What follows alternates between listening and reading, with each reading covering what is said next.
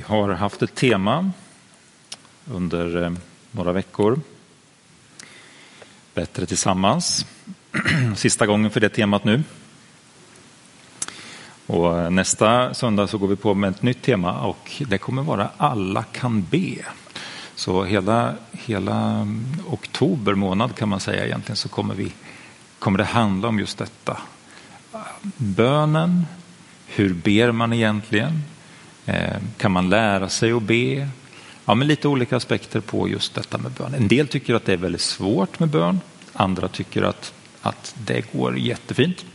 Men alla kan be eh, utifrån sina förutsättningar. Eh, och det vill vi gärna få lyfta lite granna nästa, ja, med start nästa vecka. Då. Eh, idag tänkte jag lite grann hamna i att hitta sin plats i detta med bättre tillsammans. Eh, ska vi se här. Däråt kanske det är.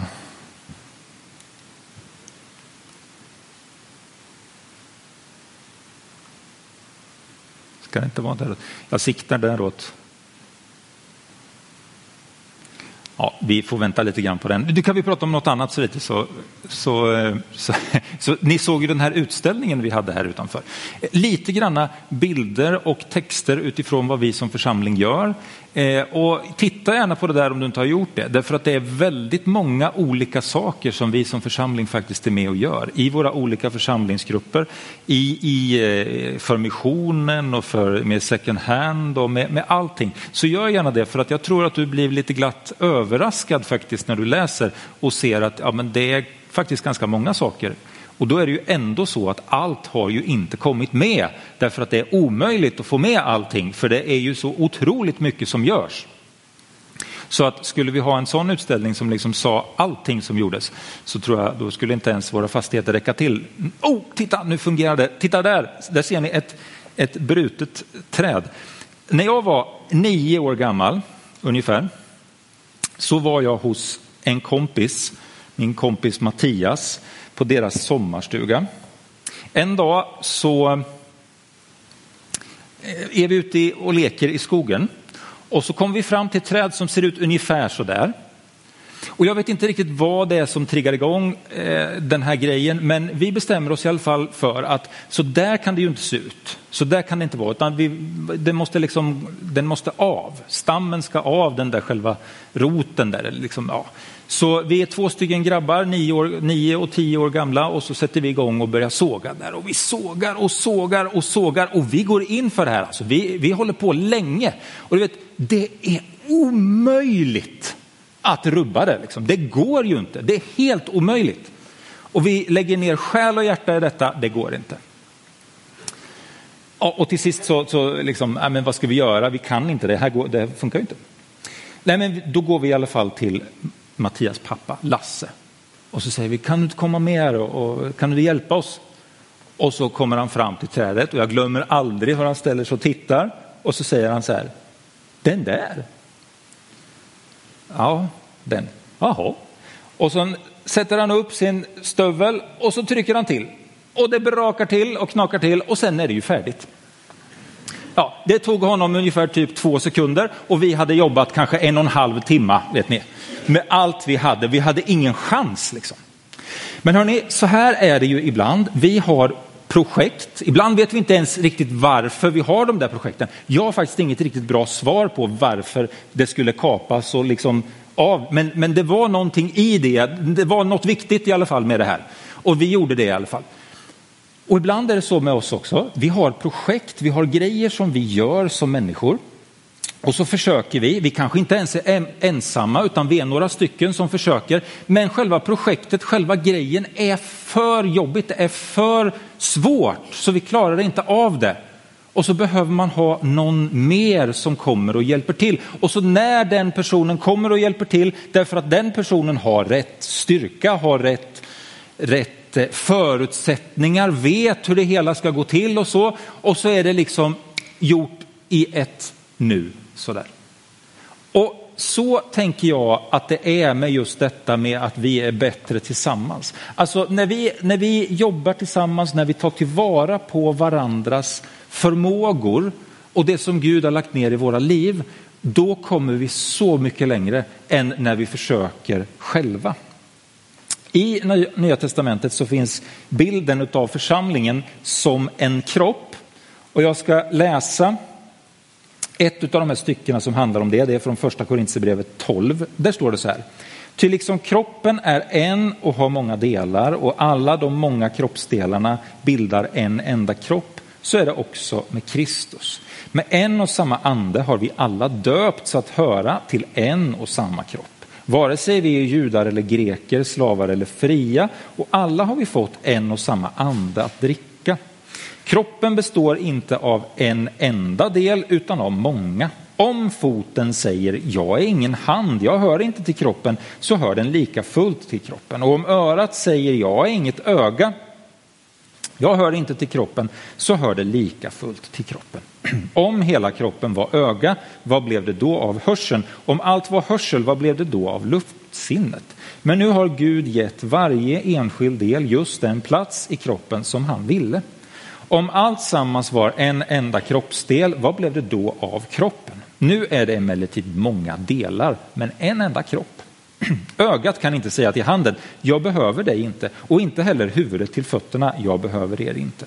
Tvärtom, också de delar av kroppen som verkar svagast är nödvändiga. Och de delar av kroppen som vi inte tycker är fina, de gör vi så mycket finare, och de delar vi skäms för omger vi med så mycket större anständighet. Något som de anständiga delarna inte behöver.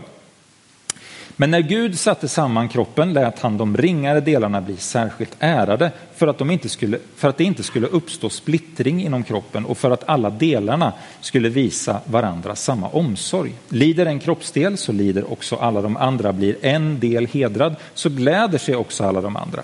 Ni utgör Kristi kropp och är var för sig delar av den. I sin församling har Gud gjort några till apostlar, andra till profeter, andra till lärare. Åt någon har han gett gåvan att göra under, att bota sjuka, att hjälpa, att styra, att tala olika slags tungotal. Kan alla vara apostlar? Eller profeter? Eller lärare? Kan alla göra under eller bota sjuka? Kan alla tala med tungor eller tolka sådant tal? Nej, men sök vinna de nådegåvor som är störst och då ska jag visa er en väg som är överlägsen alla andra. Utifrån det här så skulle jag vilja säga fem stycken saker. Den första grejen handlar om detta, att vi hör ihop. Det är ju så här att i en församling, i Guds församling, i den här kroppen så är det så här att vi hör ihop. Det har ingenting att göra med att vi har samma bakgrund. Det har ingenting att göra med att vi har samma etnicitet. Det har ingenting att göra med att vi har samma eh, tycker att samma saker är roliga att göra. Det har inte ens att göra med att vi tycker om varandra eller så. Det har ingenting med det att göra, utan vad det har att göra med att vi hör ihop, det är att Jesus har gjort någonting i våra liv. Det är därför vi hör ihop. Du är en del av kroppen därför att Gud har sagt att du tillhör honom. Det är därför du är en del av kroppen, inte på grund av att du liksom passar in. Du kanske inte alls passar in, tycker du själv. Men du vet att det gör ingenting, därför att Gud, Jesus, han har dött för dig och sagt du är välkommen in i kroppen, du är en del av detta. Därför är det så här, vi hör ihop. Oavsett ifall vi tycker att det är en bra idé eller inte, så är det så att Gud tycker att det är en bra idé att vi hör ihop. Oavsett ifall vi tycker att ja, men det är lite jobbigt det där med att höra ihop, så är det ändå så att det är Gud som har gett oss den platsen. Det är inte andra människor som avgör ifall du är en del av den här kroppen eller inte. Det finns ingen människa som kan stänga ute dig från Guds kropp, från Guds församling. Det finns bara en som kan välkomna dig in och det finns bara en som kan stänga dig ute och det är Gud. Ingen annan. Det är hans kropp, det är hans församling och vi hör ihop. Och det var ju då den första delen där. Ty liksom kroppen är en och har många delar och alla de många kroppsdelarna bildar en enda kropp så är det också med Kristus. Med en och samma ande har vi alla döpts att höra till en och samma kropp, vare sig vi är judar eller greker, slavar eller fria. Och alla har vi fått en och samma ande att dricka. Ja. Okej, den var den första saken. Den andra saken, det är att du tillhör. Du tillhör kroppen. Alltså ibland så är det så här att man kan se på sig själv och så kan man fundera över och tänka så här, jag är ju inte riktigt som de andra i den här gemenskapen. Jag uttrycker mig ju inte som de andra kristna i den här kyrkan. Eller jag gör ju inte som de andra som är med i den här kyrkan. Eller jag, jag beter mig ju inte riktigt på det där sättet. Eh, men då är jag ju inte en del i det här. Jag tillhör nog inte den här gemenskapen. Och ibland så är det lätt att jämföra sig med andra och tänka att man kanske inte räcker till eller att man borde vara på ett annat sätt för att liksom finnas med i gemenskapen. Eller tänka att ja, men jag hör nog inte riktigt hemma här. Men det handlar inte om vad du gör. Det handlar inte om hur du pratar eller hur du uttrycker din tro. Det är inte det som är intressant för Gud. Det är inte det som avgör om du tillhör eller inte. Utan det som avgör att du tillhör, det är ju det som Gud har gjort för dig. Det handlar om att Jesus har berett marken för dig så att du är en del utav hans kropp. Du tillhör som du är. Du är en del i gänget oavsett ifall det är så att du ibland kanske känner att Nå, men jag vet inte riktigt, jag är ju inte riktigt som dem. Jo, det är du. Du tillhör. Och det är inte jag som säger det. Det vore ju superknäppt eller då. Jag menar om jag står här och säger att du tillhör, då, då spelar det ju egentligen ingen roll. Men nu är det ju inte jag som säger det. Utan nu är det någon annan som säger det. Det är Gud som säger att du tillhör. Det är han som har gjort det. Och mig kan du inte lita på, men Gud kan du lita på. Så är det. Ja. Du tillhör. Kroppen består inte av en enda del utan av många. Om foten säger jag har ingen hand, jag hör inte till kroppen, så hör den lika fullt till kroppen. Om örat säger jag har inget öga, jag hör inte till kroppen, så hör du lika fullt till kroppen. Om hela kroppen var öga, vad blev det då av hörseln? Om allt var hörsel, vad blev det då av luktsinnet? Men nu har Gud gett varje enskild del just den plats i kroppen som han ville. Och allt, om allt sammans var en enda kroppsdel, vad blev det då av kroppen? Ja, du tillhör. Och nästa sak då, du behöver andra. Så här är det ju, att ingen av oss kan säga att jag behöver inte någon annan. Det finns ingen som klarar av att leva livet själv. Det är alltid så att man behöver andra människor. Och ingen kan heller säga så här, ja, jag behövs inte, jag tillhör inte detta eller jag behövs inte i den här gemenskapen. Och man kan inte säga, jag behöver inte honom, jag behöver inte henne. Utan alla behövs, alla har sin unika funktion.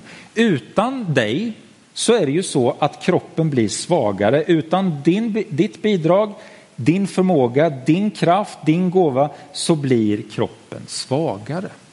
Men när du är med, då blir kroppen också starkare. Och samma sak är det ju också med de människorna runt omkring dig. När de inte är med, ja då lider kroppen, då lider Guds församling, då funkar det inte lika bra. Men om de är med, då blir det bättre.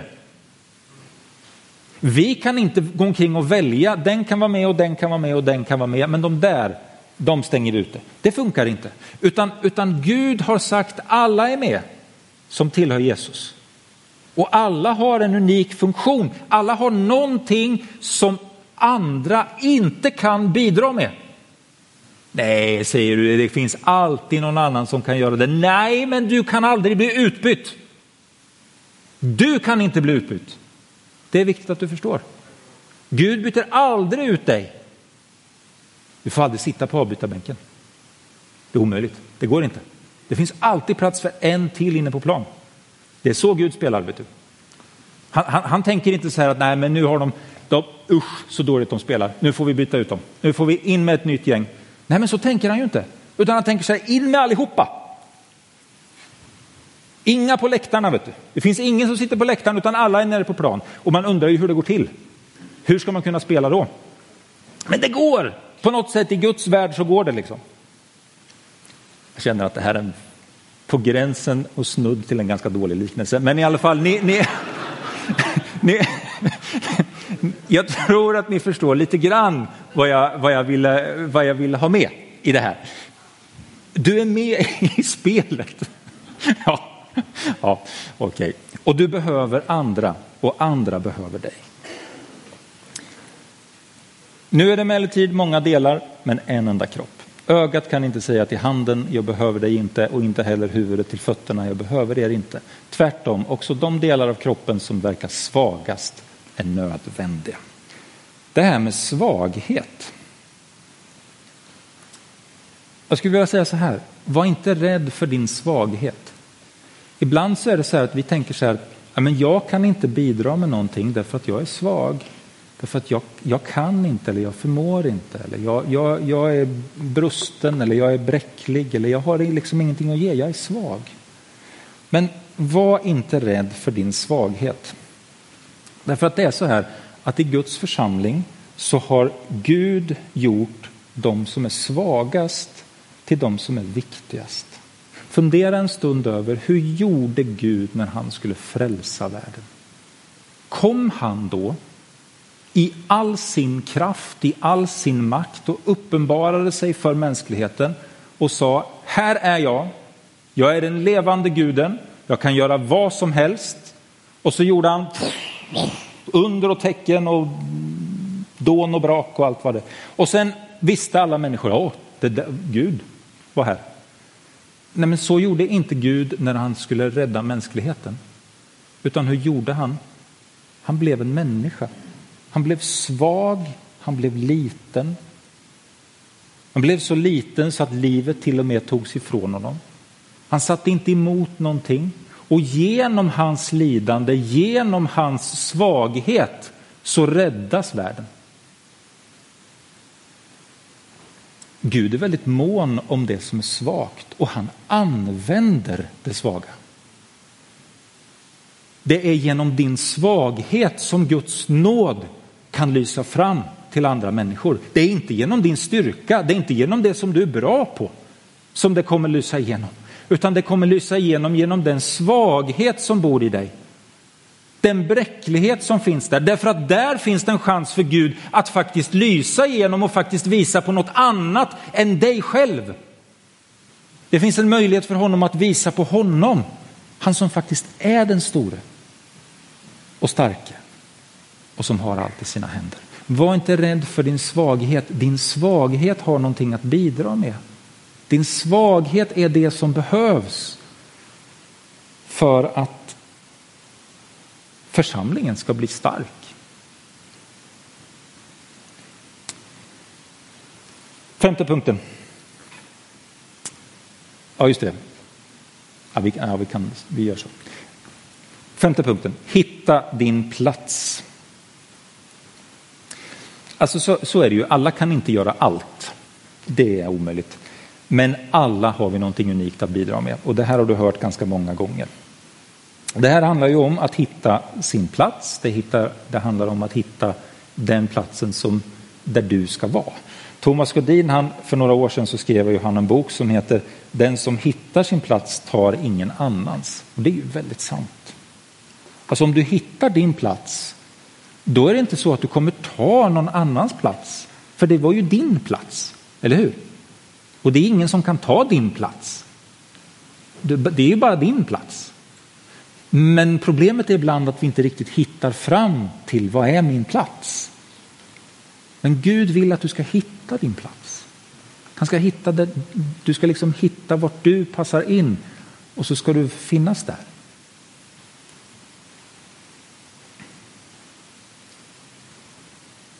Därför att den här platsen, den, den, är ju, den är ju skräddarsydd för dig för att det ska kunna fungera, att uppdraget ska kunna utföras. Att det som Gud vill ska kunna utföras. Då behöver du finnas där. Du behöver finnas där och göra det som Gud har kallat dig till.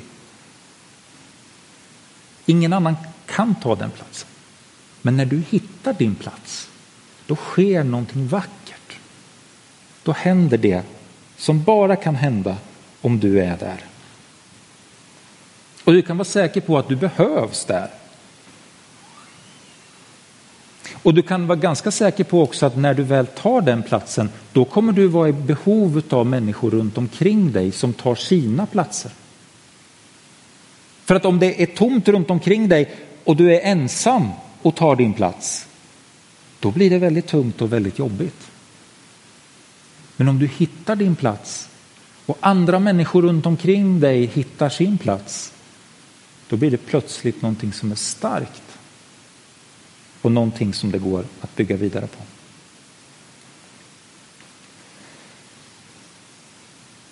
Fem punkter.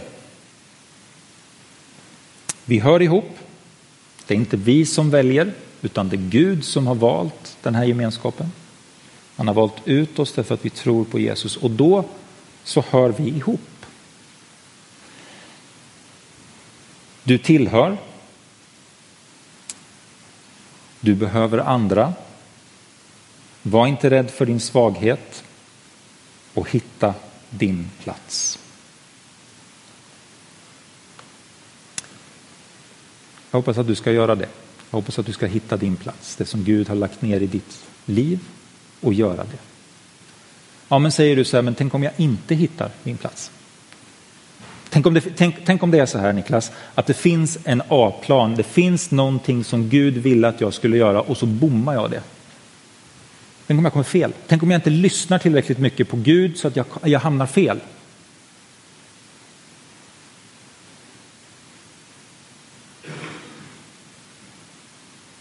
Men, men, men tror du tror du att Gud skulle vara så mot dig? Och, alltså, allvarligt talat, om, om, vi, om vi tänker så här. Gud är god och kärleksfull. Han dör för dig. Han vill det bästa för dig. Han vill att du ska komma till rätta och till din bästa, till ditt bästa rätta så att säga. Skulle han då inte hjälpa dig att komma dit du ska och hitta din plats? Det tror jag att han gör. Det som kanske behövs är väl att man nu och då ställer sig frågan, Herre, vad vill du med mitt liv? Ja, då får du kanske något svar. Eller också så, så kanske det är så att du inte får något direkt svar utan du bara tänker så här att ja, nej, men jag tycker nog det är rätt schysst att hålla på med det här. Ja, men du vet, det är kanske Gud som säger att det är rätt schysst att hålla på med det där. Har du tänkt på det någon gång? Har du tänkt på att den heliga ande faktiskt talar genom dina tankar och det sättet som du lever på? Han vill ju använda dig där du är.